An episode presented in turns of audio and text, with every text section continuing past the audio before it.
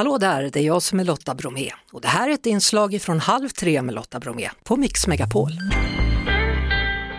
På måndag så startar krisberedskapsveckan i hela landet och Länsstyrelsen i Dalarna har efterlyst testpersoner som vill prova på att leva på krismat då under sju dygn. Daniel Fält, kriskommunikatör på Länsstyrelsen Dalarnas län. Välkommen till Halv tre. Tack så mycket. Det har tydligen varit ett jättestort intresse för det här. Hörru.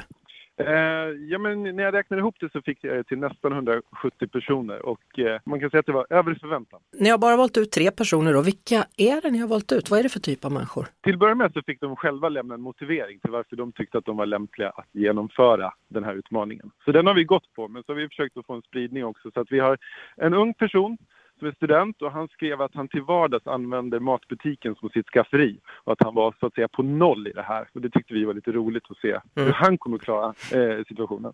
Sen hade vi en äldre kvinna som berättade att hon föddes i Amsterdam under andra världskriget. Hon var pensionär nu och att hon hade ju det perspektivet. Och sen så valde vi en kvinna som man kan säga mitt i livet som jobbar som eh, barnmorska. Hon berättade att hon hade ett stort intresse för beredskapsfrågor och då tyckte vi att ja, men de tre gav en bra spread liksom. Eh, hur har ni valt ut vilka matprodukter då som ska ligga i den här krislådan?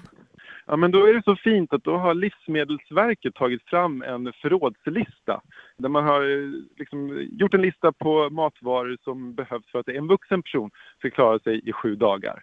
Mm. Eh, och då har vi gått efter den listan och sen så har vi helt enkelt handlat det vi tänkte att det vill de ha och äta. Ja, ge något exempel. Vad kan de få komma och äta här?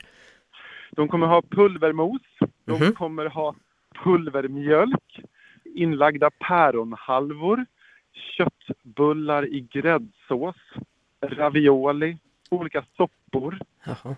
Har, har du smakat några av de här produkterna? Men liksom när jag plockade ihop dem så insåg jag till vardags att jo, de flesta har man ju smakat på då och då, men inte sammanhängande sju dagar i sträck, morgon, middag, kväll. Nej. Vad händer nu då om man inte klarar av att hålla sig till maten i lådan utan smyger i sig en glass någon av dagarna här? Ja, då hoppas jag att man somnar med ett riktigt dåligt samvete.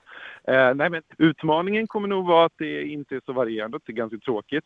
Det kommer också vara en utmaning att de, de får med sig ett stormkök och det är tänkt att de ska laga all mat på stormköket.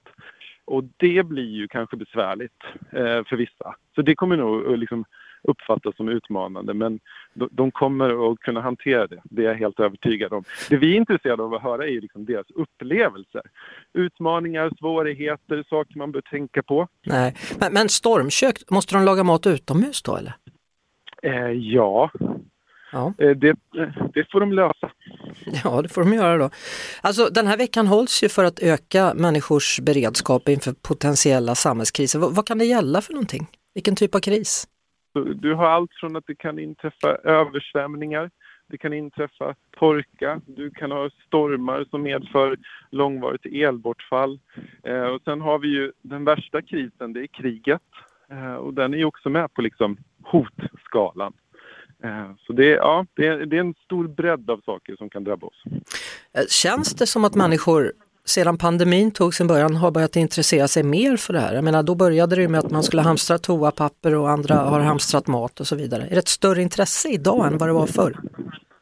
Så jag- kan egentligen bara svara utifrån magkänslan. och säga ja, det finns en mycket större medvetenhet om det här. För förut var det abstrakt liksom, för många människor. Vi hade stormen Gudrun, vad var det liksom, med mitten på 90-talet. Mm. Eh, men sen så har vi varit ganska förskonade under ganska länge och då blir det abstrakt. Men nu har ju alla varit påverkade under lång tid så då blir det här med krisberedskap, det blir något mer påtagligt.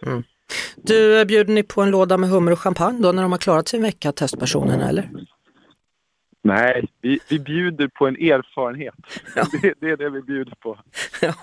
Tack ska du ha och eh, lycka till med allt sammans då, Daniel Fält. Tack så hemskt mycket. Det var det.